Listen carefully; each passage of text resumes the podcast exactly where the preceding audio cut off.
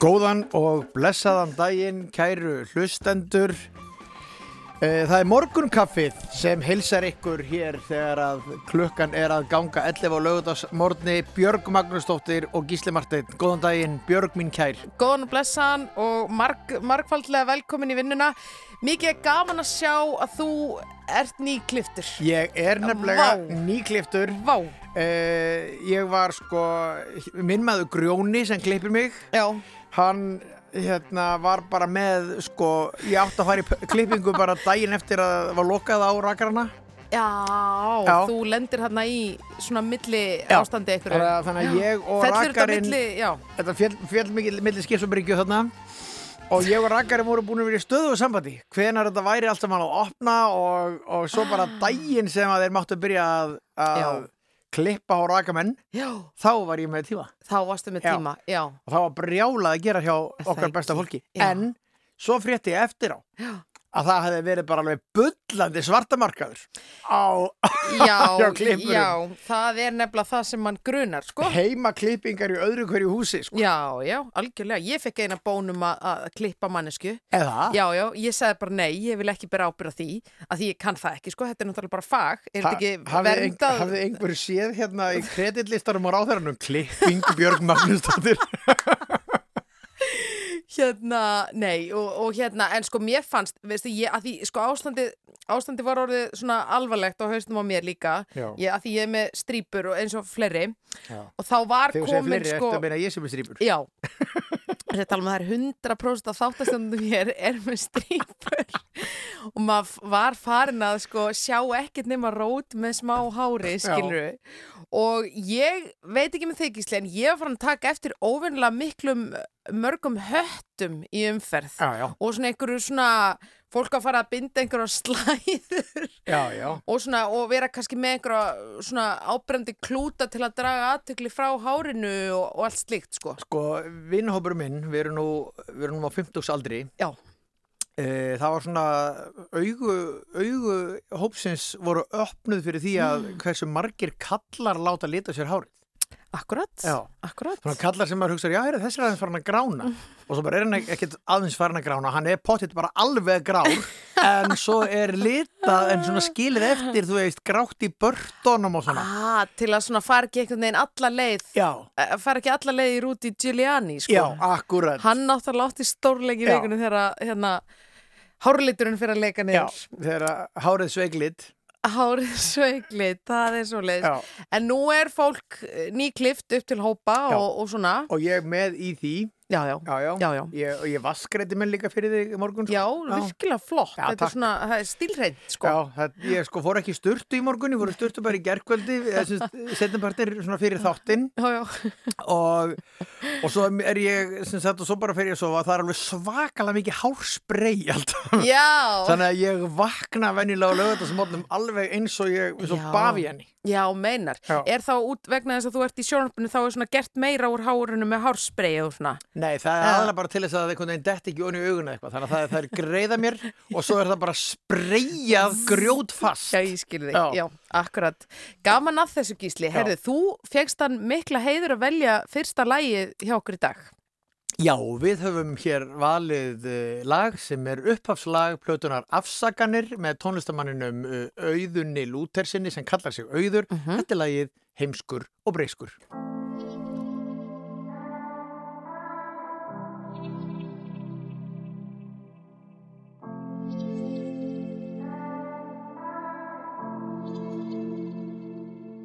Veit ég gerði mistök, ég veit að ég var heimskur Ég veit að ég stakk hníf í hjartaði áður ég er breyskur. Ef ég gæti snúið tímanum við Breytt því sem er búið Færi ég aftur um eitt vetur, ég myndi gera betur Veit ég gerði mistök, ég veit að ég var heimskur Ég veit að ég stakk hníf í hjartaði áður ég er breyskur.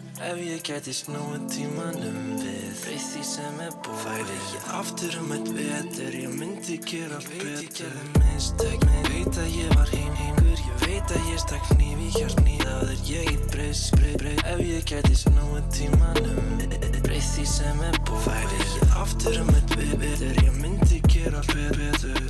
Ég veit hvernig ég var. Þú þarft ekki að segja mér það. Tapað kar. Er ég að verða snar?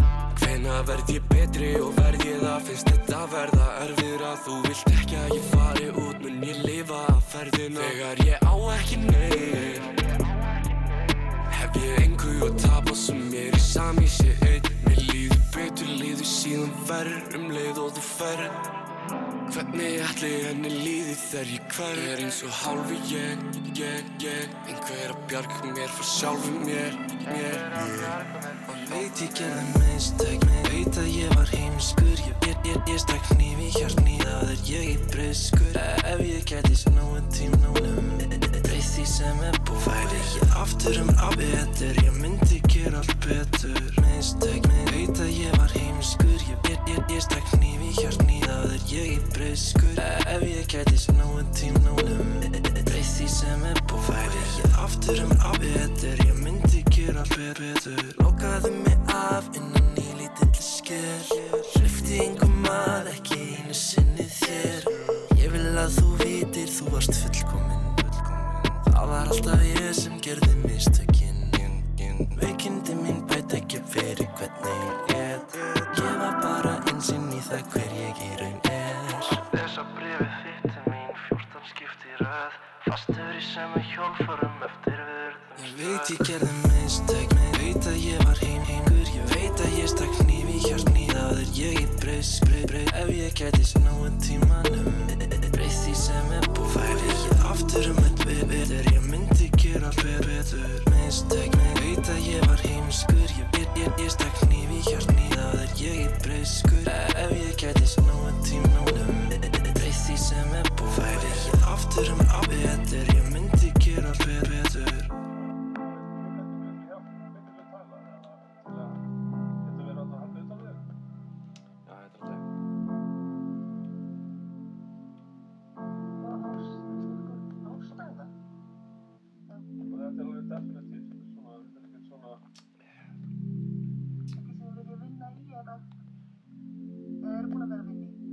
Það er heimskur og breskur, auður og byrnir er með honum hér í þessu lagi. Heimskur og breskur. Þetta er af plötunni afsakanir sem er mjög opinská plata sem fer djúft inn í sálarlífið. Sko, mér finnst og hérna þessir krakkar uh, hann og Bríett og GDRN og fleiri. Mm sko ég man svo mikið eftir því þegar maður var ungur og maður var að rýna í einhverja texta og svo fannst manni sko bubbi vera rosalega berorður en sko súkynnslóð og bara allir þanga til þessir krakkar koma Mm. voru samt alltaf að setja þetta í einhvern svona pínulítið skáldlegri búning eða svona það var verið að gefa í skinn og maður þurfti aðeins að ráða í einhverjar gátur til að segja já, hann, hann er að tala um eiturlif sko eitthvað, en á meðan að þessi krakkar Náðu þau segja bara já, Já. bara, já, ég var mjög mikið á eiturlifum þannig þurfti að fara á geðdeild Já. Veist, þau eru svo rosalega opinn. Sko ég er ekki, er ekki að segja þau segja akkurat þessa setningu en, Nei, en hérna En þetta er, er daldið þannig og, og hérna einmitt með, með bara andleg málefni og fíknivanda og ástina og svo framvegs. Já. Þetta er allt í fyrirmyndur og þetta, það er skemmtileg brú hérna yfir í næsta mála dagskrá vegna þess að hér erum við að tala um hversu tilfinningarlega heft fólk er já, og sérstaklega var. sérstaklega var. Já. og tí, tíminn hefur örlítið breyst. Það er, það er ákveðin seria í gangi sem margir uh, byðu spenntir eftir. Það kom hérna já, Já. síðasta sunnudag var henni bara nelt inn á Netflix og þetta er að sjálfsögðu The Crown fjóðaserja og þar er nú þar eru nú nokkrir tilfinningarlega heftir einstaklingar sem eiga mjög erfitt með að tala jafn skýrt og auður Já, það er rétt. Alveg sammála og það, er, það eru aðalega þau sem eru með blátt blóð í æðum. Já. Svo kemur hann inn Díana mm -hmm. sem að bara allt í einu sést þá hvernig við hliðin á henni þetta lið er svo stíft og heft að meiri sé að þeir sem að fannst þeir vera einhverju svona e, vera mannlegri heldur en hinnir eins og til dæmis Karl Breitaprins hefur Mhm. greinilega upplifað sig sem sko svona mannlegri og tilfinningaríkar heldur en mamma sín svo teflur þau fram bara einhverju svona til ekki einu sinni almúastúlku að því að, að, því að Diana Spencer var sko já, já. veist, alveg upp í einhverju höll, sko. já, já, já, já. Nei, þá er hún bara, þá, þá sér maður við hlýðin á henni hvernig þetta liðir allt saman, sko, svo stíft og eins og, eins og einhver sagði, sko, ef þú myndir setja kólamóla upp í raskataðum, þá er þetta demantur mjög fljóðlega. en þessi, þessi, þessi sjómanstáttasérija er frábær. Já, já, ég meina þetta er, þetta er hérna, þetta er gríðarlega vel gert Já. og þá erum við að horfa bara einhvern veginn á allan katalógin, ótrúlega flott og margir höfðu mitt beðið eftir að, að, að sko serían kemur svona aðeins meira inn í nútíman. Já. Nú erum við bara komin í þarna 1980 Já. og Falkland segja stríð og Thatcher og Gillian Anderson og allt þetta, þú veist. Já, já. Jú, ég, ég fór sko lóðbend í bókaskapin, tegði mig í gömlu hérna æfisögu Margaret Thatcher, Já, þú veist, bara til þess að fletta upp samband Já. hennar við drottninguna og eitthvað svona. já, En sum sé, ef þið hef ekki séð þetta, þá er þetta á efnisveitunni Netflix. já. Uh, Herru, vissið þú að Gillian Anderson er að, er að deyta gæjan sem skrifaði þættina? Peter Morgan. Já, þetta vissi ég ekki. Ég er ekki að gefa neitt í skinum Nei, nei. af hverju einhver fekk hluturka en nei. slikt en þetta er bara, bara svona skemmtileg kúrjósa. Áhugavert, áhugavert. Já, já nákvæmlega. E, já, við höfum, við höfum svolítið leið í þessu og, og höfum alls konar skoðanir og þessu sem við ætlum kannski ekkert að tíunda hér og mikið. E, eitt af því sem er áhugavert þarna er að tónlistin, þetta er komið það nálat okkur í tímanum að þetta Mhm. var að detta inn bara vinsæl pop tónlist og það er kannski einhver í höllinni bara kveikir útvarpinu Mm. Já. og þá til dæmis er í gangi þetta lag sem við ætlum að spila hér sem er með hljónsveitinu Ultravox, hinga kom nú Mm. aðal sprautan í þessari hljónsveit Mitch Júr, kom hinga og spilaði með uh, Þorvaldi Bjarna og Tótmobil sko. Já, já, og þetta lag, Vienna, er svo mikið, þetta er svo mikil átta, snemm átta. Gekkja lag, Já, sko. hér er Vínarborg með Ultravox. Yes.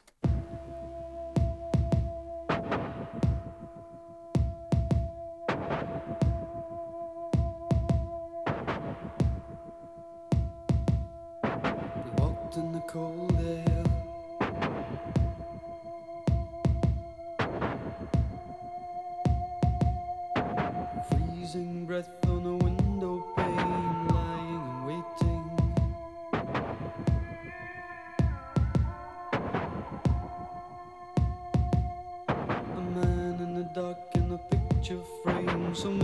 mystic and soulful.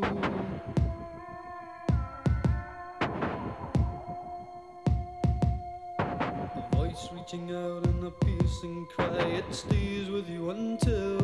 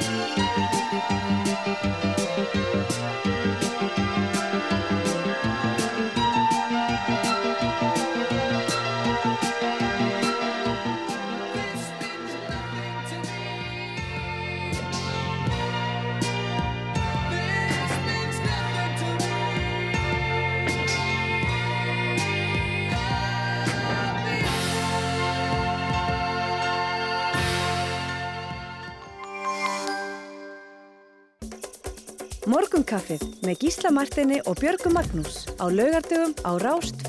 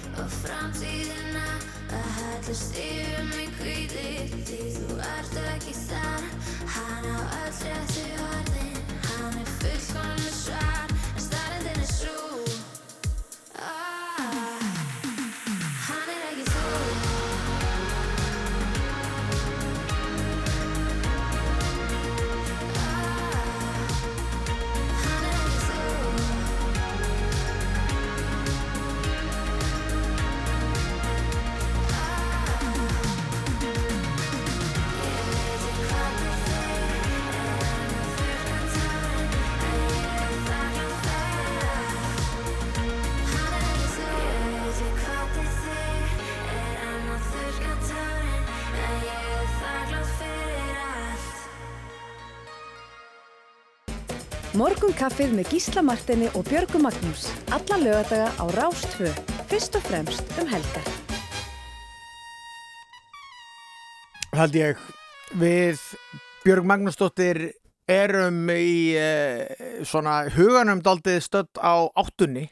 Já, e, á, það er að segja á nýjönda áratögnum já, þetta er svo leiðilegt að þurfa að segja nýjönda áratugurinn. Já, ég veit að, segjum bara áttunni. Mér finnst Það er áttan eiginlega- skýrt og gott. Ég veit um tvo menn sem hafa verið að berjast fyrir innleiðingu þessa, þessara málnótkunnar Já, Bergur Eppi og Jakob Fríman Já, sko, ég meina, hvernig getur þú verið á móti þessum bara mönnum? getur það ekki Nei, og svo Erfitt. talar um snemm áttuna, já, síð áttuna síðáttan, Já, já, já. mið áttan, Já. væntanlega. og Akkurat. þetta er betra heldur en eitthvað á miðjum nýjunda áratuginum Já, ég veit að ég líka sko málið það þegar, þegar nýjunda áratugunum kemur eða sagt, Já. þá þarf ég alltaf að hugsa bara svona byttu, þú veist, það er eins og þegar kemur tvöföld neitun í setningu, þá þarf Já. ég alltaf svona eitthvað að byttu, ok, ó, Já. óvinur, ekki óvinur Já. ok, þannig að það er, eða skilur það er svona bara Já. tefur fyrir manni tefur fyrir manni. Já, bara töf Já, þetta er eins og, sko, nú, nú á ég, þú veist, örfá ár í það að vera á sextugsaldri. Mér finnst það ekki ganga. nei, Gísli, ekki nei, ganga. nei, þetta er ekki lægi Þetta er ekki lægi Þetta er ekki lægi Bara, þú veist, fólk, Bríett er á þrítusaldri. Þú veist, hún er nýdottin í 21. Nei, akkurat, ég, ég segi stans Ég segi, Ég bara, ég segi stórastans. Já, segi stóra, stórastans. já, Já. þetta er, við þurfum að hérna, hafa þetta náttúrulega réttu megin sko. Það er bara þannig Er það því að við erum semst á áttunni? Já, við erum á áttunni vegna þess að við vorum með að tala um krúnuna á hann, sko. Það er náttúrulega, Það ég er að því, það er og Falklandsegja áttan, stríðið maður Falklandseyjastríðið. og Thatcher í Já, ártfóin hérna alveg sko, sá tónlistamann sem ég hlustaði örgulega mest á mm, í áttunni mm. er Mike Oldfield. Já, það er svo les Er ykkur hlustað á Mike Oldfield? Ekki nýlega Nei, sko, hann gaf út blöður sem heita Tubular Bells og voru sko alveg hérna, þú veist, hérna voru reisastórar. Ég mann sérstaklega eftir því, sko, ég kynntist, og segja hvernig ég kynntist Já, honum. já, bara, þú veist, Í þú Trivial byrjaðir, sko. Pursuit. Það var alltaf verið að spyrja um eitthvað Mike Oldfield Ó. og ég minn þetta fyrir netnum, kannski ekki googlað neitt, sko. Já, já, já, Hver spilaði á öll hljóðfæri á plötunni Tubular Bells? Svar, Mike Oldfield. já. Og við erum náttúrulega döttu þá öll í að fara að hlusta á Mike Oldfield og hérna, og fórum örgulega á, á bókasafni í Gerðubergi þar sem var þetta að fá svona plötur og maður setti á plötu, á plötuspilarinn og hlustaði. Mm. og, en síðan átti hann líka svona bara dægur uh, smelli af því að hérna plötuna voru svona einhverjar stórar konceptplötur með engu einu vinsælu lagi. Hér kemur eitt af hans vinsælustu lögum af uh, snem áttunni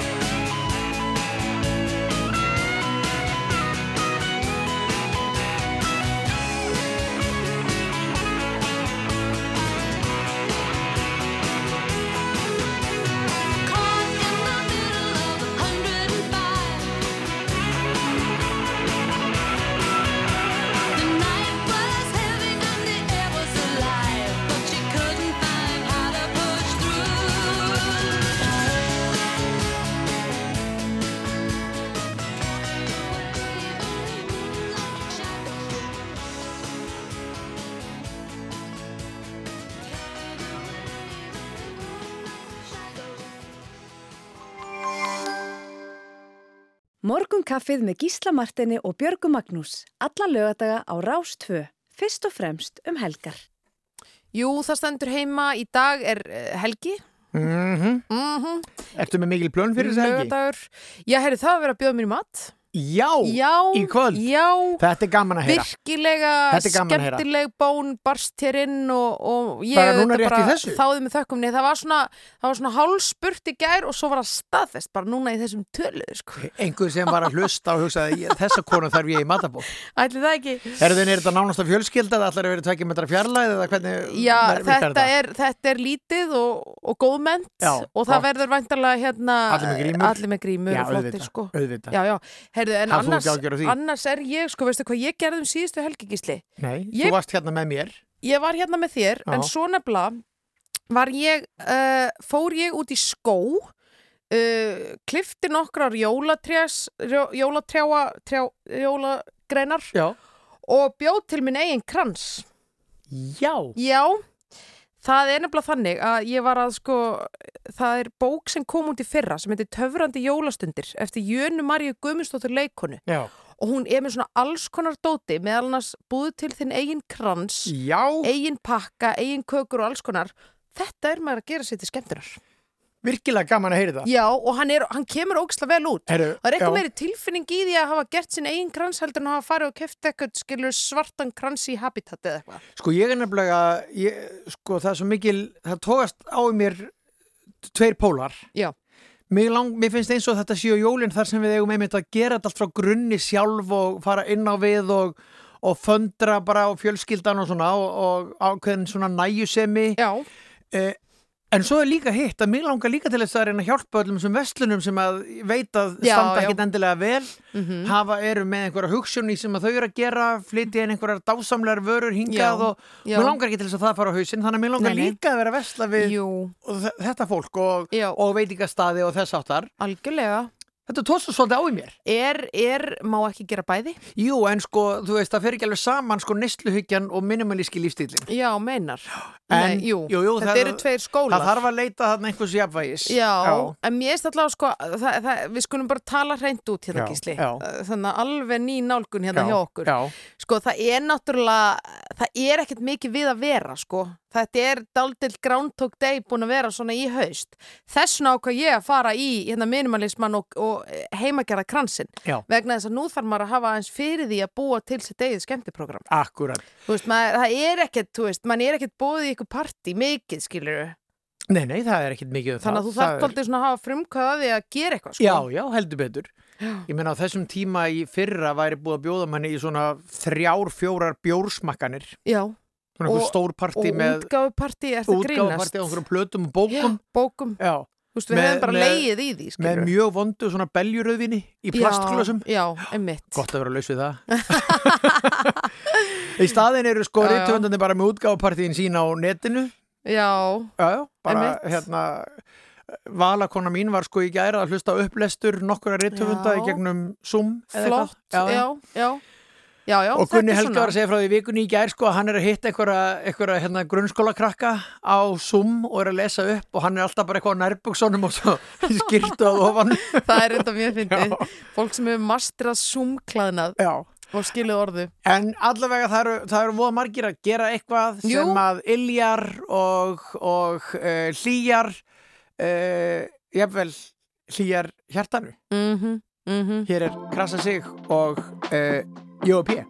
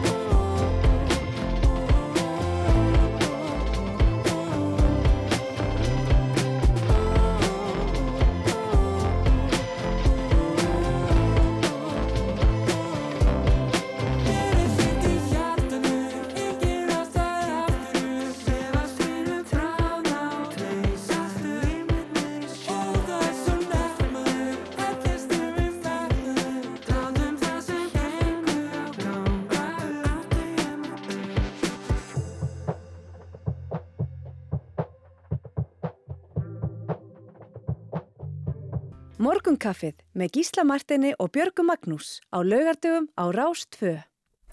Jú, það stendur allt heima hér, Gísli Marteinn uh, og undirrituð er hér í, í útarsúsinu í góðum gýr. Þetta á fallegu morgun á höfuborgarsvæðinu. Ég þreytist ekki á að tala um veður blíðuna þetta haust.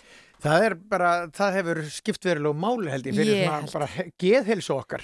Ég held það nefnilega. Já, Án gríns. án gríns. Það hefur bara verið þannig. Eða djóglaust eins og úlíkan að segja. Djó, og- djóglaust. Djóklaust. Mhm. Er það komið aftur inn? Það var, það var þegar ég var ung, sko. Er það var það djóglaust. Já. Já, það er ennþá bara. Og það var alls konar, hvað, já, þetta er svona En það ert þú ennþá ung. Já, segja sumir, ja, með þig allavega. Já, með mig. Með Mannin sem er að detta okkur 60. Sextus aldur. Mér finnst ræðil, mér finnst það, ég er að horfa á þig og mér finnst það ekki make a sense. Þú aðtöður það náttúrulega hefur verið notað gegn mér alla mína æfi að ég sé eins og ég sé 12 ára. Það er að Vissulega, vissulega. bara, þú veist, ald, það aldrei færist yfir er bara góða fréttir. Já, meinar, meinar. En. Já. Það er aðeins lagara norðanheiða. Já, Já, einmitt. þar er, þar er svona hugsanlega slitta jafnvel snjókoma. Mm, Eh, akkurat. en það gæti náttúrulega verið jólalegt, ég veit það ekki. já, já, Já. akkurat. Svona jafnvel hundsalappa drífa. Já, þú segir þetta svona, hunds lappa drífa, það, er ekki, það er vegna þess að ég sagði hitt áður og hefur verið leiðréttur mjög rækilega. það er þannig, af þetta- Einari. Þetta er sko hundslöpp. Já, Já. ok, já, já. Ég held að því að snjókornin eru bara eins og hundslöpp eða eitthvað álíka. lappa drífa. Já, þetta er ekki hundslappa drífa. Nei, en mér finnst það hins vegar aðeins skemmtilegri framburður að því. Slappa, þetta er svona sloppi einhvern Já, veginn. já, ég sé alveg fyrir mig svona ótrúlega svona blöytan snjó Já. og það skvettist einhvern veginn um. Akkurat, Já, en það þess ekki. Þetta er, hunds, þetta er hundslappa drífa já, og, og ég veit ekki hvort að hún er fyrir norðan Nei, en, nei. en það er einmitt svona svolítið blöyt snjókoma finnst manni. já, já, já, já. En sko, nú ert þú komið nýtt hár Já. og, og lítur ekki út fyrir að vera maður á sextusaldri. Gleilt nýtt hár. Gleðilegt nýtt hár. Hvað, nú hlýtur að standa eitthvað til. Nú á eitthvað að malla í eldursinu Ah, þú varst með tengingu þarna. Það? Sko, það, við, það er fólk að koma í mat til okkur völu um miðan dag. Já. Ekki eitthvað kvöld, uh, slark, nei, nei, bara um miðan dag. Og það, við erum með eiginlega svona, sko, danskan frúkost. Já, já, já, já. Sem að væri kannski aðeins fyrr ef ég væri ekki hér í um, hljóðveri með þér. Uh, en, en hérna, það er bara fínt að taka þetta svona um miðan dag. Og við ætlum að gera danst stjerniskúð. já. já, Sem er í rauninni bara svona já. og, uh, og þá bara gerir maður þetta hérna, þú veist, þetta er rauðsbretta á dönsku rúbröði og allt þetta Mm. og líkilatriði mm er heimagjart remálaði Ah, þú meinar. Gott majónes uh, hérna feitur sýrður rjómi og svo alveg hellingur af súrsuðu dóti. Já súr- súrsuð dóti? súrsaða gúrkur, þú ert með kapers ert með súrsaðar þú ert með, þú veist, bara allt það sem að nöfnum tjára, nefna hvað sem þú finnur inn í ískapnum af svona pækluðu dóti. Já, já, já, já, já, já. En saksar þetta allt saman niður, hrærir saman við uh, oljusósuna og Mm. svolítið karri eða eitthvað til að gera þetta gullt Já, Já, og bara nógu mikið af pækli, ég er búin að gera þetta nokkuð Já. sinnum. Já, þannig að það sé í rauninni þú veist, kannski eins og eins og svona salat sem eru ekki rosa mikil majónessalat heldur þú veist, Mm. Já. kartablutnar eru aðal og majóness er bara svona smá með. Ah, Já, nema í þessu er það þá pæklið aðal. aðal, já, já, aðal hluturki uh, Gísli, það eru þetta bara eitt lag sem kemur til greina eftir þessa það, þegar við miklu umræðu. Við erum að tala um stjerneskúð sko, Já, að smörrebröðið og, já, Já, er ekki stjerneskúð sko halastjarna eða, eða eitthvað slíkt? Einmitt. Ég held að þetta sé Jú, þetta svona stjörnu Stjörnuhrap. hrap. Já.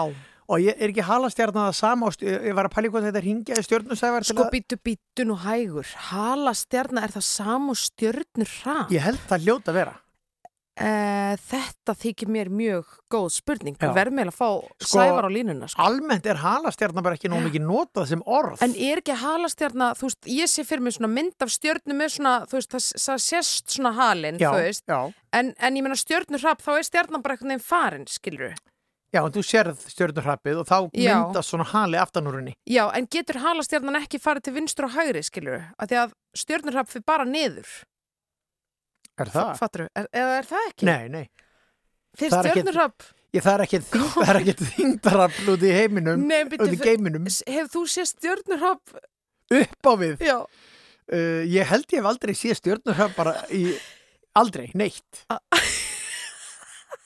Ég er ekki djóka sko Ég held ég hef aldrei séð stjörnurrapp á æfinni en sko, ég fór einhvern tímann að, að bara, ég ætlaði bara að sjá það Já. Og þurfti að standa mjög stutt. Ok, Já, og mér fannst þau öll fara niður. herðu, við, við já, sko, við- ég er þú ekki reyndi ekki að tala meir. Ég held að stjörnurrapp geti alveg verið út og Og austur þá, sko. er það, þá er það meir eins og halastjarna. Já. Já. Já. Og halastjarna held ég að að vera bara annað orð yfir stjörnurrapp. Og Já. svo, sko, svo held ég að meina, stjörnurrapp, ég meina, er þetta allt saman, e, þú veist, er þetta ekki einhvers konar loftsteinar sem að er Jú, í rauninni jú, að, þetta er ekkit já, endilega eitthvað... Sólir, Nei, nei, en það, það er hrapa kannski ekki beinilist, það er bara að það sloknar á þeim. Já, nákvæmlega. Ég held að margar af þessum stjörnum sem við sjáum á himninum, það er Já. löngu búið að slokna á þeim en Já, bara ljósið er ennþá á því við erum leiðinni. bara með Já. 200 miljónum árum setna eða Já. eitthvað. Allavega, lagið sem við ætlum að spila heitir einmitt uh, Smúk som eitt betur. uh, eða, eða fallegt sem halastjarna eða stjörnurrap Já. eða loftsteinn eða eitthvað Já, já. eða bara falleg eins og smörrubrauð sem ég er að fara að gera á eftir Nákvæmlega. með heimagerði remulaði en, en sem þetta er danska útgáfan af sigurlægi Eurovision árið 2000 Olsen bræður gjur þessu vel.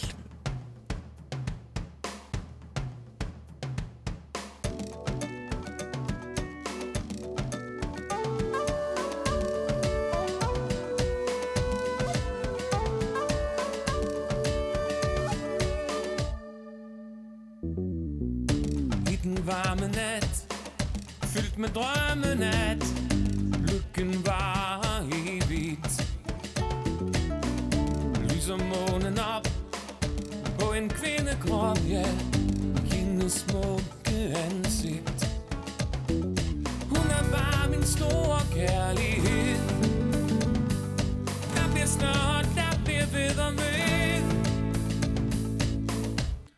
Smuk som et stjerneskud. Som tiden går. Smukkere ser hun ud. År efter år Hendes hofters dans. En strålegrans, ja Gennem bølgen bruset. skin. Bliver lukket ind Lykkelig og beruset Natten den er fyldt med kærlighed. Der bliver snørret, der bliver ved og ved. Smuk som et stjerneskud. Som tiden går.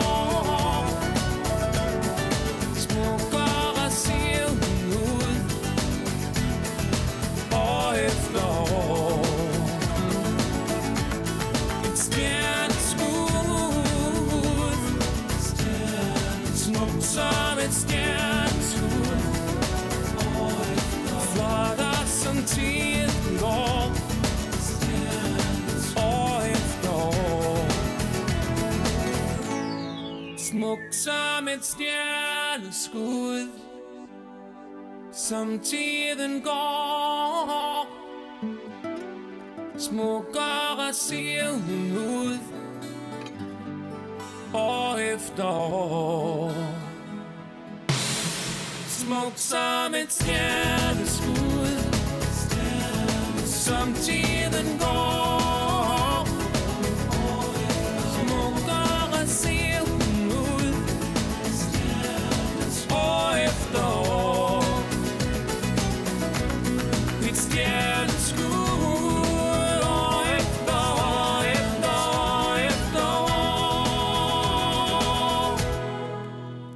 Já, Fly on the Wings of Love heitir þetta lag einnig á uh, ennskunni.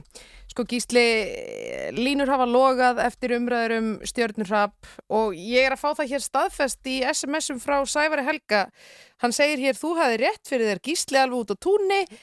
Hann segir stjörnurrapp og halastjarna er sitt, hvort hlutur? Já, og e Já. enga, fleiri, enga meiri útskýringar Nei, ekkert, ok. ekkert meira í byli, skilur En þetta var nú svona það stóra sem Alveg. spurningamerkið Ég var held absolutt þetta væri sami hluturinn Já, já, nei, nei, en þetta er, þetta er greinlega, þetta umröfni er greinlega að kveikja í fólki. Það eru margir sem að hafa á þessu skoðanir Það er mitt og það er bara gaman.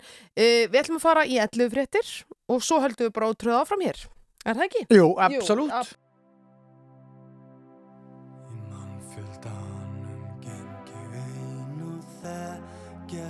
neitt Þúsundir bíla þjóta hjá. Þegar tilveran er grá. Á ballum þessa helgi margur von góður fer. Með bakkussi út að skemmta sér. Kanski skelli ég mér Kanski sé ég dreyma prinsinn Benóni á ballinu Hann leggur sterkan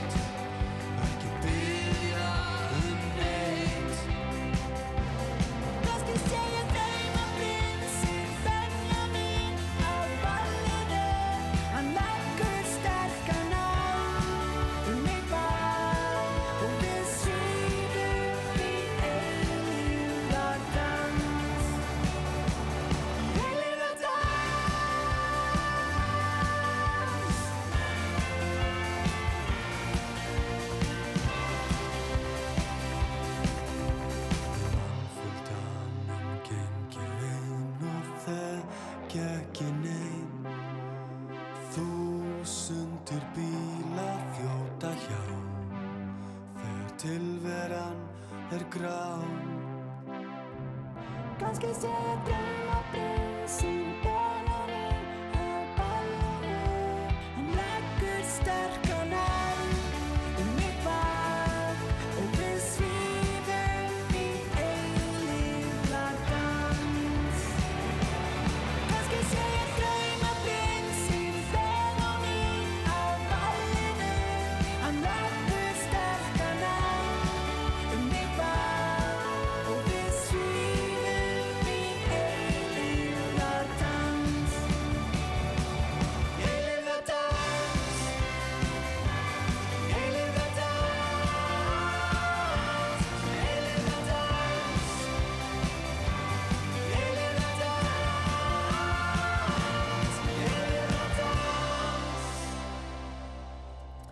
Já, við hófum þennan klukkutíma á eh, Draumaprinsinum í flutningi Bjartra Sveiflna. Ah, gott þarna, gott uh, eignafalls ennið. Var það ekki? Jú, Já, kvenkin flirtala Sveiflna. í eignafalli. Sveifluna, þyrlna, Já, Þi, uh, hérna, þú veist, verkfall eitthvað flugvirkja sem setur stöðu þyrlna landhelgiskeslunar í uppnám. Uh, þyrla, nei, þarna, hefði átt að vera enn þarna. Það er enn, enn í þyrlna, já. Já, en þyrla, En ég meina, ég er, ég er svo sem búin að vera að tala út um óæðri endan á mér hér í allan morgun og bara sérfræðingur út í bæir og að hafa samband til að leiðrétta þannig, ég, hvað veit ég, Björg? Ég er bara giska. Ég geng hér um giskandi að Sko- halastjarnar sé að sama og stjörnurraf og En það sé nú- enn í þyrlna í eignafalli. sko, nú færð þú eh, mikið út úr því að hafa rétt fyrir þér. Nei, alls ekki. Ég fæ mjög mikið út af að hafa rámt fyrir mig líka. það er ekki Að láta vaða. Sko, nú er þessi þáttur gefur sér út fyrir að vera með svona cirka hvað, 70% réttar upplýsingar. Já. Já, ég, ég held að eftir daginn við að lækka prósentur. Það má alveg vera, sko, máli er ef ég hefði, ef ég hefði mjög mikið áhuga rétt fyrir mér, þá myndi ég sko vera, fara miklu varlegar. En ég fer aldrei mjög varlegar. Nei, það er nefnilega, ég hef svolítið tekið þitt í fyrirmyndar í því og ég er svona aðeins að velta því fyrir mig hvort það sé nú gott. En ég held í alveg, nenningin svona að googla þetta, Nei, ég ég- held ekki að ég að það að komi inn en í, Já, mér fannst bara dæm, setningadæmi sem þú nefndir, ég held nefnilega að það hafi ekki verið þyrlur í eignafalli. Ég held að það hafi verið sko, já, en ég man ekki eins og hvað þú saðir. ég sagði eitthvað staða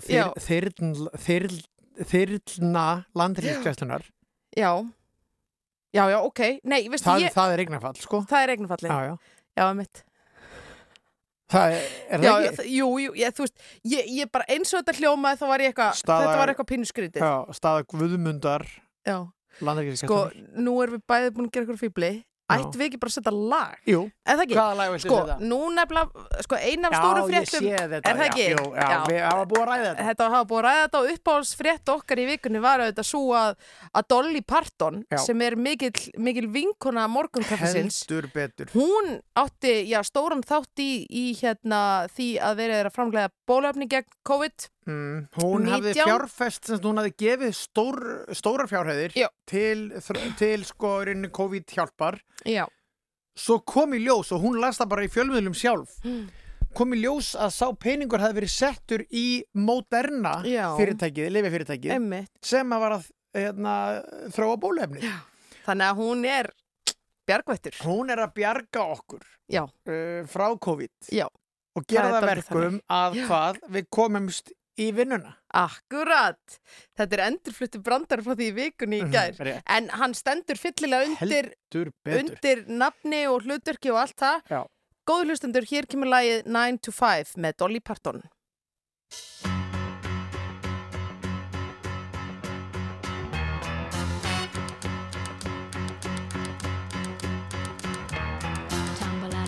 And stumble to the kitchen. Pour myself a cup of ambition and yawn and stretch and try to come to life.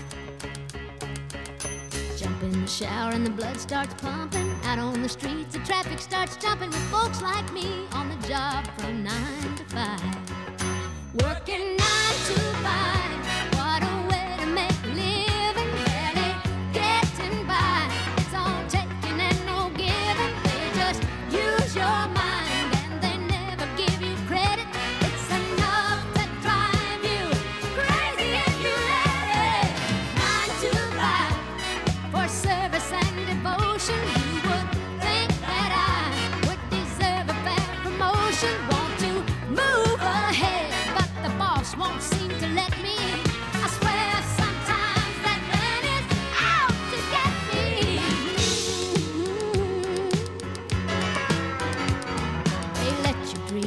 Watch him shatter. You're just a step on the boss man's ladder, but you got dreams he'll never take away. In the same boat with a lot of your friends, waiting for the day your ship will come in and the tide's gonna turn and it's all gonna roll your way. Working nine to five,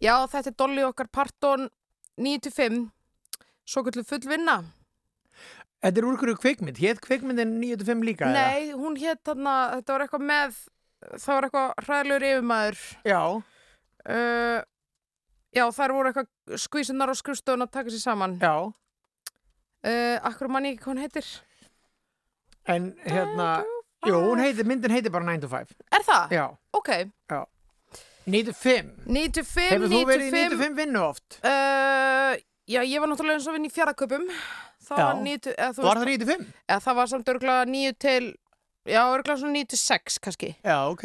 Hann var þarna ekstra klukktími sko Ég hef einhvern veginn haldið að sko í, í svona nýlenduvöruverslunum þá væri, þú veist, trafíkin einhvern veginn klukkan 5 byrjar hún, sko. Já, meinar Ég hefði haldið það. Já, já, En bara Akkurat. gott og vel, ég er ekkert að efast um þetta. nei, nei En 95 er náttúrulega svona, þú veist, flestir sjálfsagt vinna frá 95 en það er aðeins að aukast náttúrulega þetta, þessi gig-vinna. Þar sem þú bara, ok, núna ger ég þetta verkefni hér og ég vinn það bara hvernig sem er í sólringnum. Ég veit að þetta er kallað the gig economy Já, Það er svona, heitið yfir þetta já.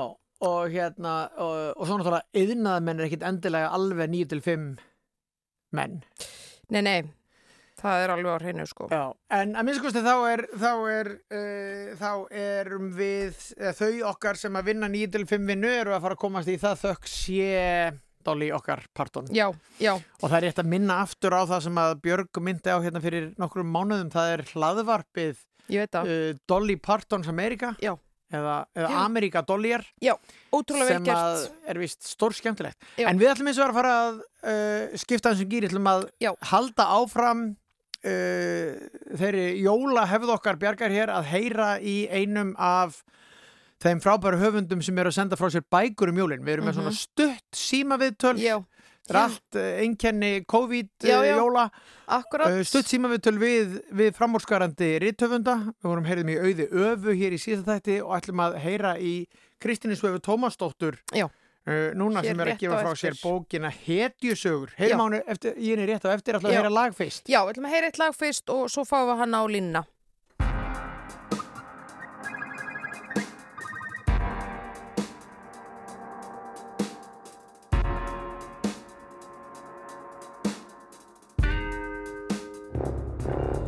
morning and we're blue. Cause what happened all night through was made for me and you, and now it's gone. There's a certain kind of love that will show us the way. So when your lips meet mine, I know I'll ask.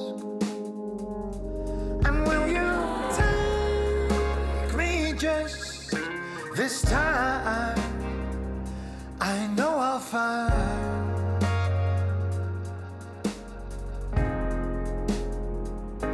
And will you tease me just this time? I know I'll find. I know I'll find love from 99. We got the feeling right in time, drifted by.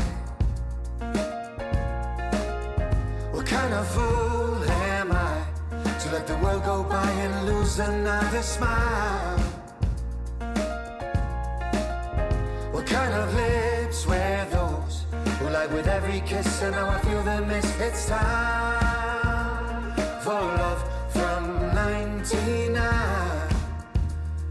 To dream a life, but we had to say goodbye.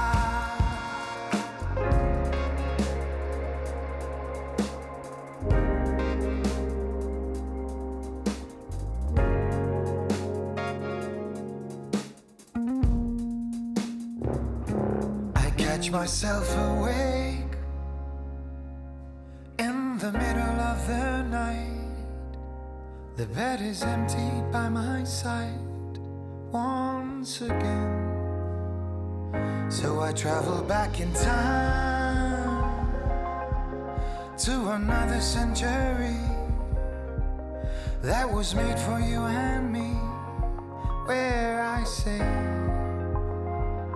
Yeah. Love from 99. We Got the feeling right in time, drifted by.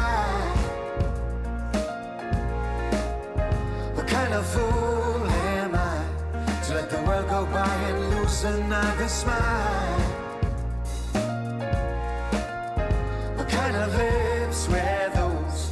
Well, like with every kiss, and now I feel the miss. It's time for love from 99.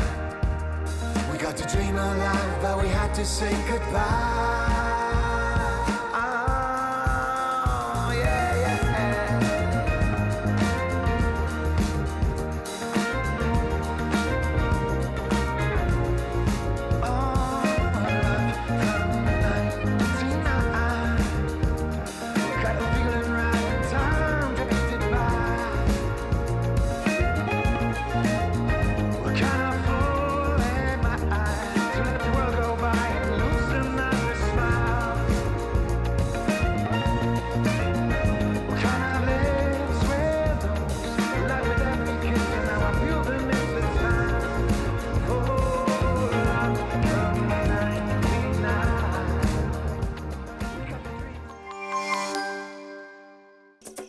Morgunkaffið með Gísla Martini og Björgu Magnús á laugardögum á Rás 2. Einn af þeim góðu bókum sem er að koma út í jólabókaflóðinu er Hetjusögur sem að er ljóðabók eftir Kristínu Svöfu Tómasdóttur sem að hún, e, þar sem hún yrkir ljóðin e, upp úr ritinu Íslenskar ljósmæður e, bindi 1 til 3 sem sér að Sveitni Víkingur bjóð til prentunar og kom út hjá kvöldvögu útgáfinu Akureyri 1962-64. Þetta finnst mér vera einhver besta hugmynd að ljóðabók sem ég hef heyrt. Og Kristín Svafa er á línunni. Heyruru í mér Kristín Svafa? Já, ég heyri í þér, hæ. En hvað það er gaman. Hæ.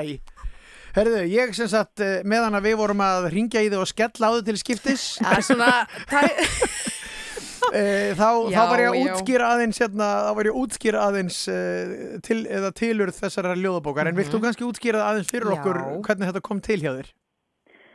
Já, þetta, sem sagt, um, eh, bókin er sem sagt orst upp úr þessu riti Íslenska ljósmaður 1-3 sem að hefur bara verið í miklu uppáhaldi hjá mér síðan ég uh, las það fyrst. Þetta eru sem sagt svona æfithættir og endurminningar ljósmaðra, uh, bara algjörlega magnaðar sögur sem að ég mæli með og, og hérna svo bara kviknaði þessi hugmynd hjá mér fyrir svona kannski tveimur árum að prófa að yrkja upp úr þessu. Þá var ég semst farin að hugsa svolítið um sko svona sögurnar sjálfar og ákveðin svona frásagnar stef í þeim og, og langaði svona til þess að kanna það með ljóðlistinni, má segja. En skemmtilegt. Já, en maður veldi í fyrir sér einmitt þegar þú ert að lýsa þessu sko og það er nú ekkert rosalega langt síðan það var ekkert sama, já ekkert söm, sami aðbúnaður og er í dag sko þannig að hérna ljósmaður þurftu að gera ímislegt, ég menna getur þú teknað upp eitthvað svona veruleika þess starfs hér, í, hér á árum áður? Já, þetta var, það þurfti tölverð svona hörku tól oft í þetta. Þetta var náttúrulega í fyrsta lægi sko e, fyrsta svona fagstjettin og mentastjettin bara sem konum stóð opinn. Þannig að ef að þær langaði til þess að menta sig eitthvað þá var þetta e, ein leið af ekki mjög mörgum. En svo er þær náttúrulega flestar uh, starfandi á landsbyðinni. Þessar ljósmaður í bókunum, þær eru sem sagt flestar starfandi á, á setni hluta 19. aldar eða fyrri hluta þeirra 20.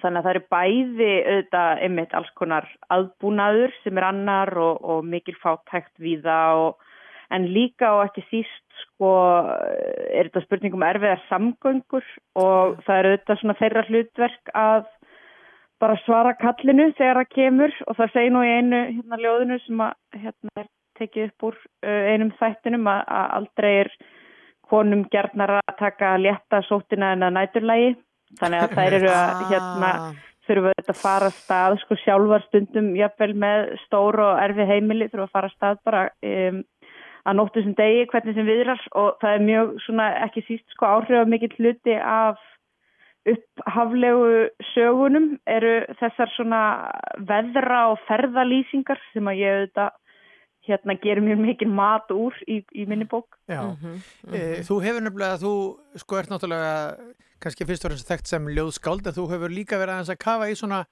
sagfræðilegar pælingar, ég meina þú Já. skrifaði náttúrulega, hétt hún ekki bara Saga Klámsins, eða hvað hétt Jú, stund klámsins, Já, saga stund- klámsa, já. um kláms á Íslandi. Já. Já, ég er, er sem sagt uh, í rauninni bæði ljóðskáld og svo er ég líka sjálfstætt dæmt sagfræðingur og þetta er svona, og ég er endur að vinna núna í uh, svona heilbriðis sögu. Rannsóknum er að skrifa um sögu farsóttahúsins við Þingvoldstræti eins svona Já.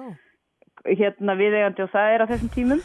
Um, og hérna og það var einmitt í tengslum við það sem ég fór að lesa aftur þessar bækur sem að ég ég, ég hafði lesið, lesið fyrir, fyrir mörgum árum um, um ljósmaðurnar þar að þetta er svona Já. að mæta stanna svolítið sagan og, og ljóðlisti Já, e, það vekur líka aðtegli að sko þetta reyt sem að þú vinnur þetta upp úr sem sér að Sveitin Víkingur bjóð til mann finnst næstu því óvinnulegt að einhver kall hafi verið að upphefja þessa kvennastjett e, sko þetta snemma e, þó svo að sé 1962 til 4 e, var, var það nutu þær kannski alltaf sannmælis fyrir sínar hetjudáðir, ljósmaðurnar Sko þetta er einmitt kannski dálítið áhugaverð svona mótsagnakent staða eins og er nú sennilega bara enn þann dag í dag óhætt að segja með til dæmis ljósmaðra stjettina og, og fleiri svo sem stjettir sko eins og kannski kennara og, og oft einhverjum svona mikla kvenna stjettir sem að njóta mikils þakklætis í, í orði allavega en það svona Já. kannski skilar sér ekki alltaf til dæmis í veraldlegum gæðum Já, og, Eða launaselnum.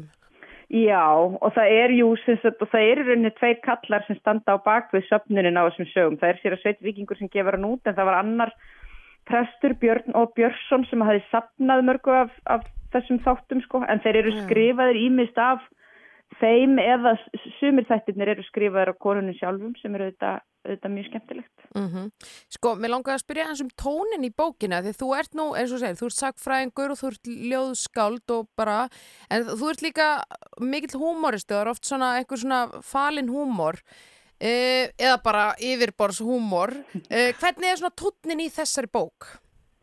Hann er kannski bara eðli málsins sangkvæmt auðvitað aðeins svona öðruvísi en í fyrir ljóðabókunum mínum af því að ég er að vinna svona mikið með hennan fundna texta. Mhm. og e, og það er nú kannski ekki það er ekkit, það er ekkit mikið um kannski beinabrandara í þessum sögum þó að það sé nú alveg pínu fyndnar stundum. Já, um, og sko það, það er kannski meiri svona hlýja uh, í henni að bara líka vegna þess að það er hluti af verkefninu er í rauninni bara dalti svona uh, já hvað taka bara svona dalti afgerandi afstöðu til bara eins og, eins og sko titillin hetisögur bendir til að, að þetta er að hluta til bara mjög svona uh, hrein og bein uh, löngun til þess að hampa þessum konum og bara hérna lýsa því yfir afdrátt að lausta hér séum sögur af hetjum að ræða. En svo náttúrulega er þetta líka svo er ég náttúrulega líka með ákveðin í fjarlægð að, að skoða þessar sögur og, og það þarf náttúrulega alltaf sko, ákveðina fjarlægð í, í svona verkefni. Þannig að það er nú alveg pínu sko, það er alveg pínu fyndnir hlutir stundum eins og uh, eitt svona stef sem að mér hefur alltaf þótt mjög skemmtilegt í þessum sögum er svo staðrind að hver einasta ljósmöður í þessum bókum uh, vann í einu erfiðasta umdæmi landsins. Uh, snjóþingsta og to torveldasta og, og það er mjög gaman þannig að það er, hérna, það eru svona stef oft sem eru, eru pínu skemmtileg sem koma í, koma í gegn en það er nú kannski aðeins minni svona eðlimálsins samkvæmt Mhm. minni írónía í, í þessari bók nákvæmlega. en mörgum fyrri sko. já, já Hetju sögur, þetta Já. er skemmtilegt. Mjög svo Já. og ég hef heyrt, uh, ég hef heyrt í fólki sem hefur heyrt þig lesa ljóðin upp uh, og verið mjög hrifið. En það, það er bara ekki nógu gott útvarsefni að fara að lesa mikið ljóð eh, hérna núna þannig að við, við Hlífum þér. Já, lífum þér við því. En, en hérna, já, ég hef heyrt svo góðar sögur af, af ljóðunum sjálfum en það er líka mjög gaman að heyra þessar baksögur. Takk fyrir að taka síman Kristín Svafa Já, bara takk fyrir að ringja. og gangið er vel í jólabóka flóðinu. Já, bestu fyrir. Ok, Bye bye. bless. Ok, bye bye. Bye.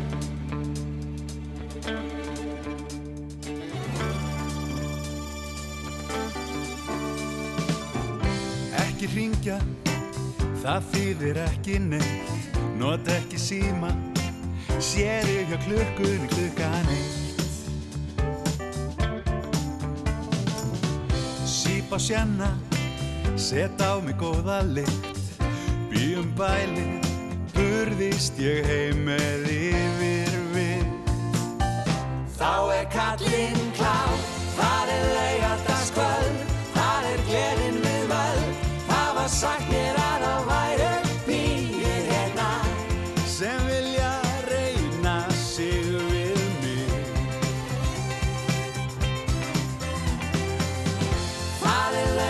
laugardagskvöld, það er gleðin við völd. Var sagt mér að það væri partí hérna. sem vantar bara mig í sig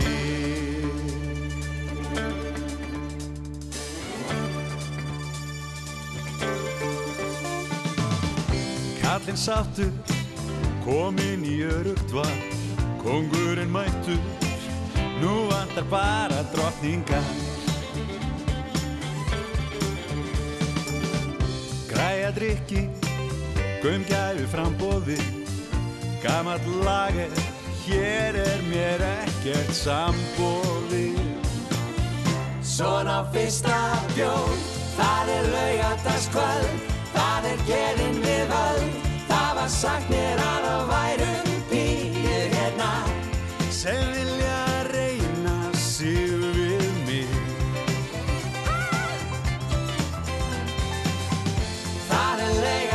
laugardagskvöld, það er gleðin við völd. Það var sagt mér að það væri partí hérna. sem vantar bara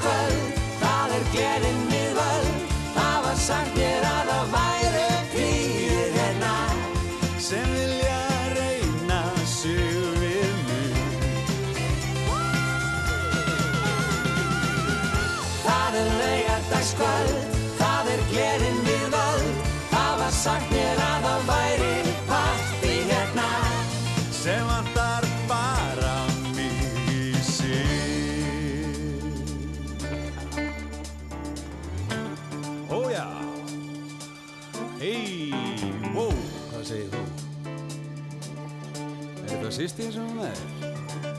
Nei, það bróðið þig Sætur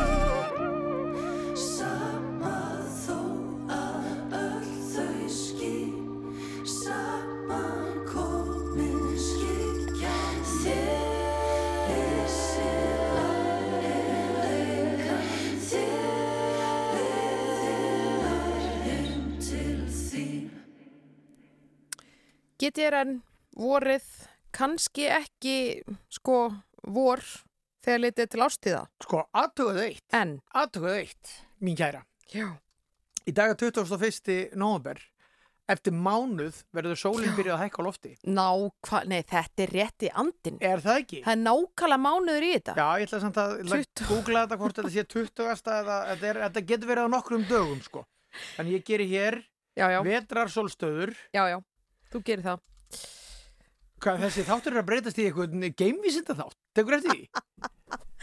Þegar ég googla á kemur vetrarsólstöður ljóð. Einhver hefur orðið ljóði vetrarsólstöður. Ég ætla ekki að lesa það. Ég ætla að segja þér hvernig vetrarsólstöður eru í ár.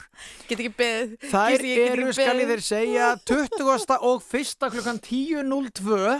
Búm. Þannig að eftir mánuð eru þær akkurat búnar. Vá. að því að klukkan er 11.41 þannig að vetrasólstöður eru eftir einn mánuð eru vetrasólstöður búnar og sólinn byrjuð að skreiðast. Akkurat. herra á heiminin Vorið byrjaði að trítla inn já, og svo náttúrulega má líka vera með vor í hjarta. Vissulega. Og vor í sinni og allt það sko. já, já, voru kemur heimur hlínar hjartað mitt Já, allt þetta. akkurat, þetta snýst um að halda í gleðina. Mm Við ætlum sannlega að gera það. Já. og uh, höfum Já, er það ekki? jú, Jú, nákvæmlega, þú Já. horfði bara eitthvað skring já, ég var sko rétt að pönda því að segja eitt.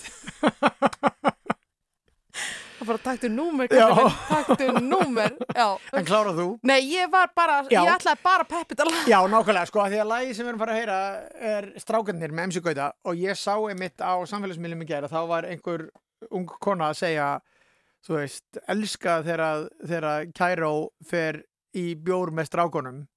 Og þú veist, ég fæ smá uh, me time, Ah, minn tíma, ah, nema núna fer það fram inn í stofu í fjóra tíma, hann Ah. að tala ógeðslega hátt í tölvuna við Zoom-vinni sína Oh, og drekka fimm bjóra. einmitt. Það er einhvern veginn ekki það sama. Það er ekki alveg að sama sko. Uh, Þetta var skemmtileg örsaga frá Gísla Martini Næst skulum við heyra þetta ágætalag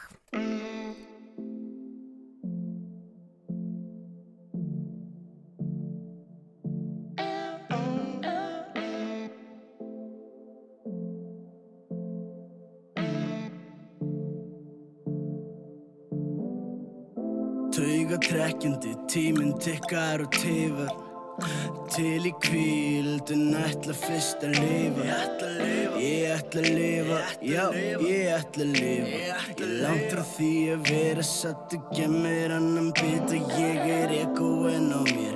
Von. Senaður eins og Steffson Skítur á mig til að skapa eitthvað tension. Fæ mér í vagnum tík og chilla eins og Gunnar Nelson. Heldur þú að þú sé fyrstu til að vilja skáka og máta mig? Enda síðan grátandi Því þú kannt ekki manngangin Ég er alveg upp að skiptinum Ég geri allt sem að mér langar til Já. Og trúa á sjálfa mig. Ekki tefla mig í kvöld Ekki ángra mig Síminn hann er off í kvöld. Ekki ángra mig. Ekki tefla mig í kvöld. Ekki ángra mig.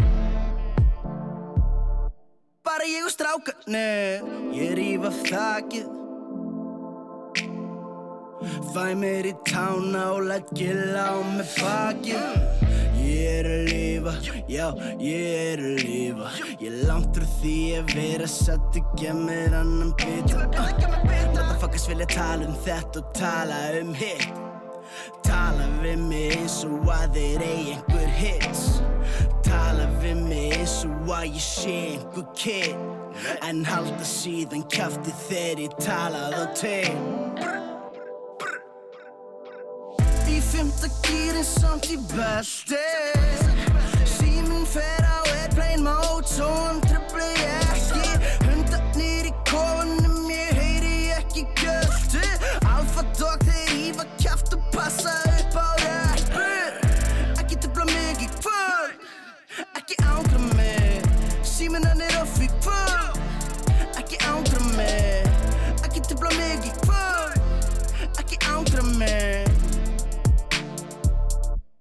bara ég og strákarnir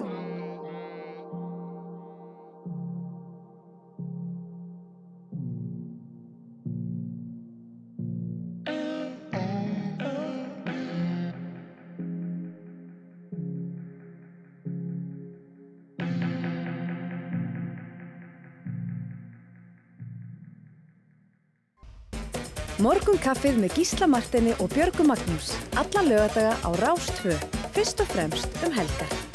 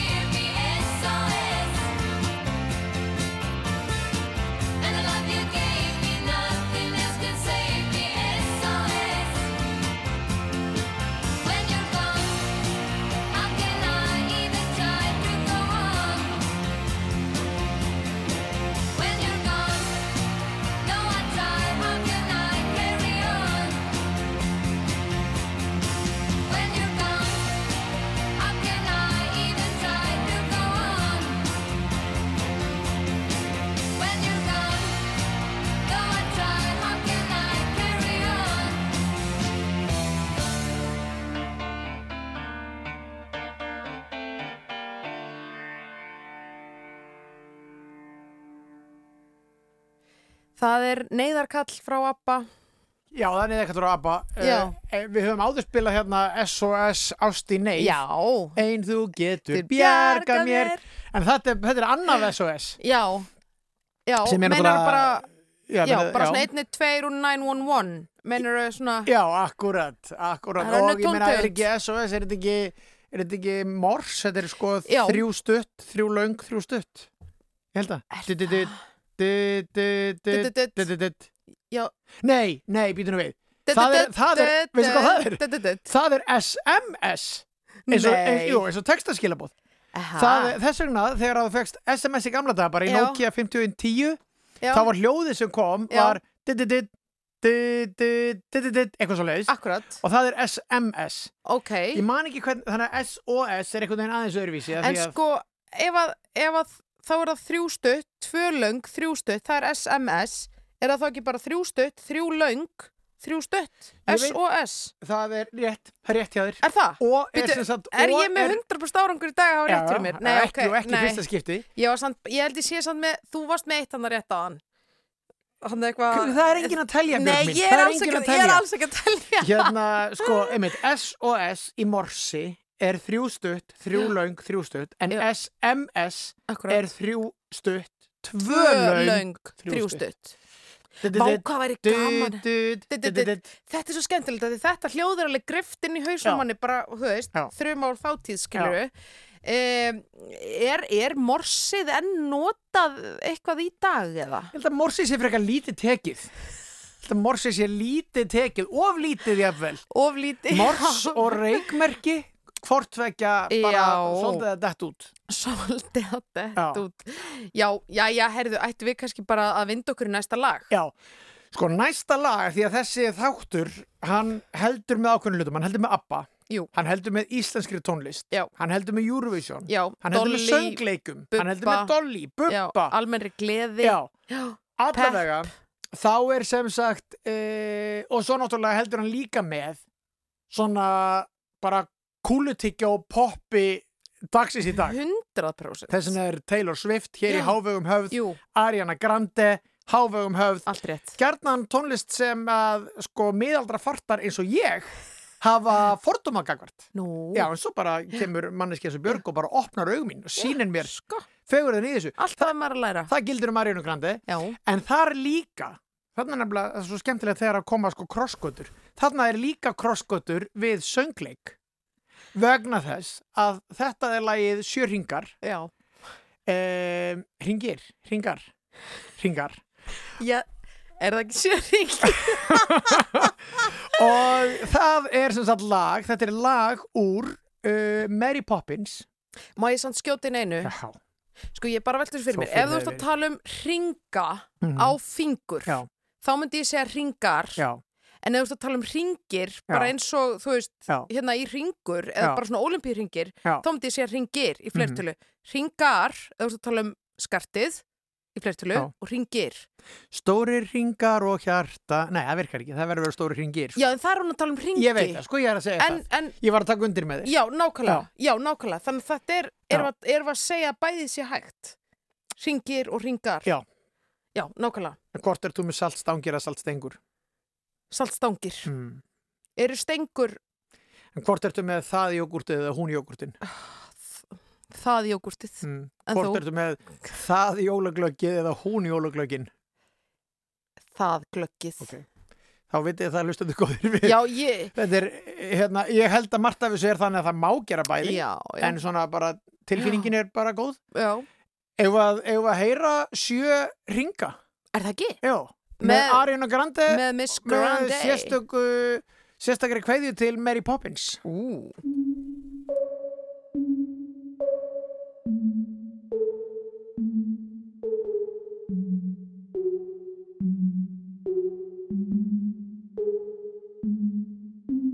Breakfast at Tiffany's and bottles of bubbles. Girls with tattoos who like getting in trouble. Lashes and diamonds, ATM machines. Buy myself all of my favorite things. Been through some bad, I should be a sap. Who would have thought it turned me to a savage? Rather be tied up with calls and not strings. Write my own checks like I write what I sing. Wrist, stop watching.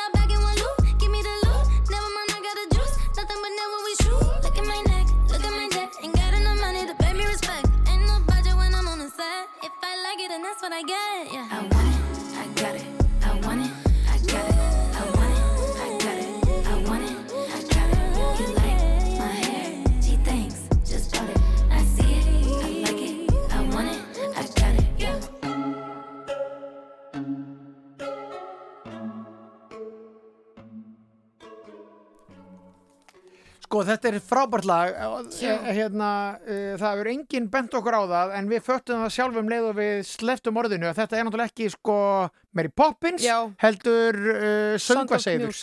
Já, söngvaseiður.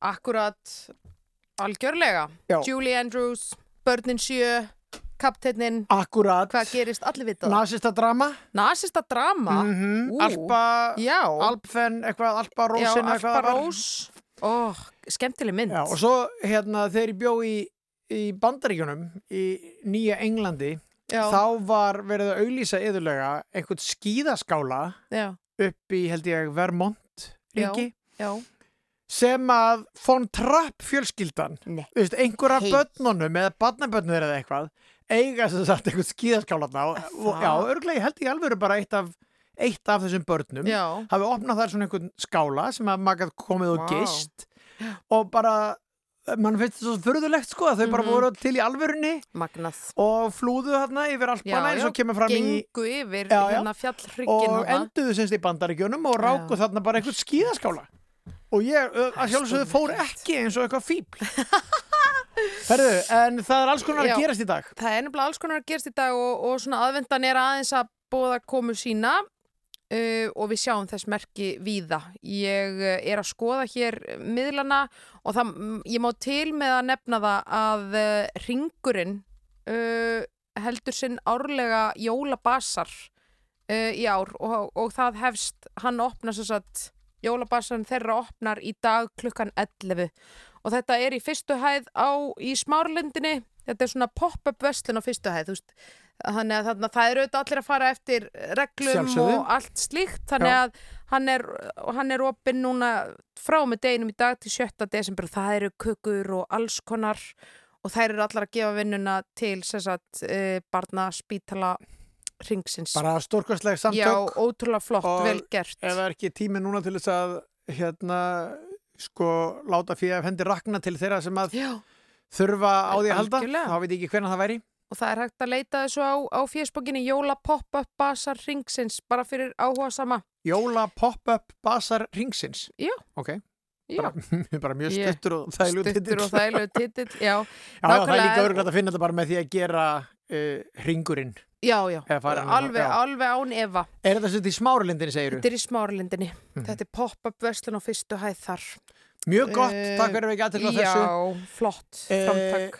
Sko, við höfum aðeins verið í eh, hérna svona æsku árum okkar bjargar. Mhm. Eh, hér er komin góðkunningi þáttarins sem að venjulega er þá að syngja lagið Karen en hann er hér að syngja lag af uh, soloplötu sinni sem að sko var svo vinsæl að, að þú veist, hún var sjóðheit, hún var rifin út úr Karnabæ, rifin út úr Karnabæ í Östustræti, þetta er Bjarni Arason og Babba bara ég og þú. Vaðandi villu, ég leitaði þín langt yfir skamt Og þegar ég lítum axlir eins og þar sé ekkert að sjá. Ég fekk mér vænan sop eða tvo, en vínið var rann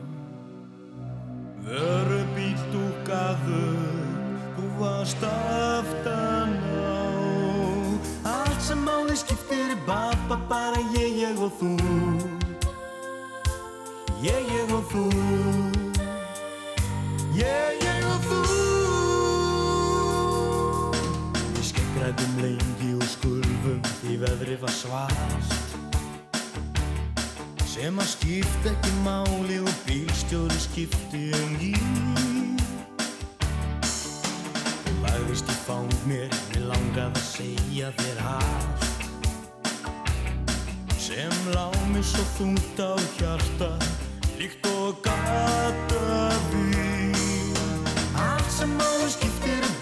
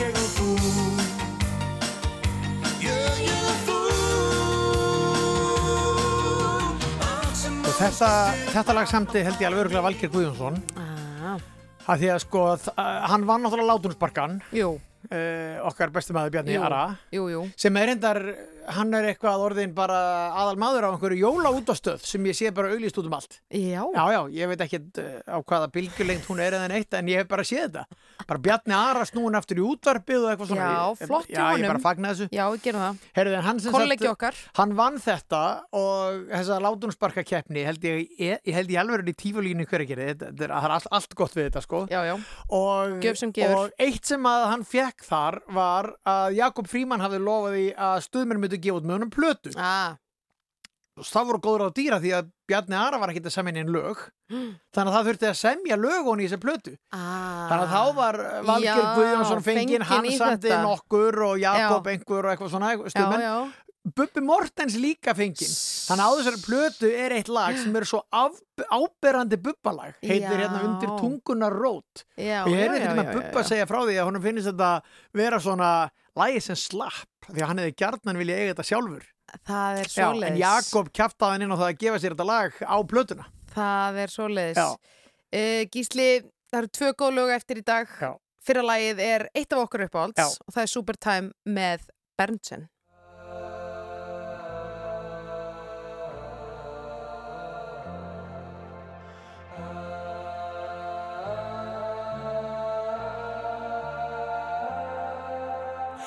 the path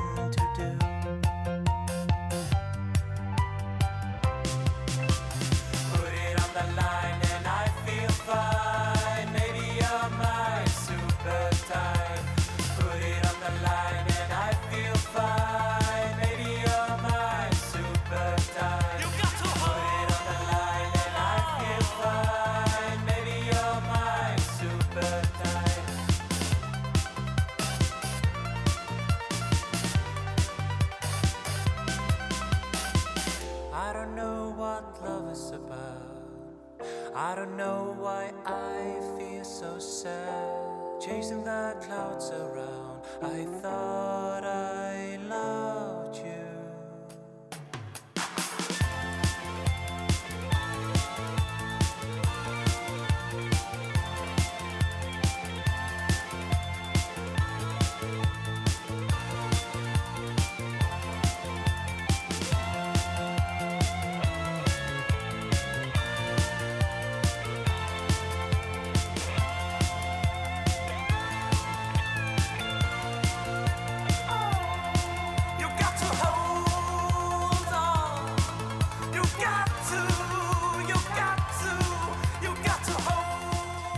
hold Supertime með Berntsen. Svona til að koma okkur í Æðislegt smá lögðarskýr er sko. ekki smá eitthvað gýr í okkur? Ég meina, ég er að fara að fá fólk í mat, skilur já, ég er að fara í mat, Já. ekki til þín samt. Nei, en já, virkilega stert Já.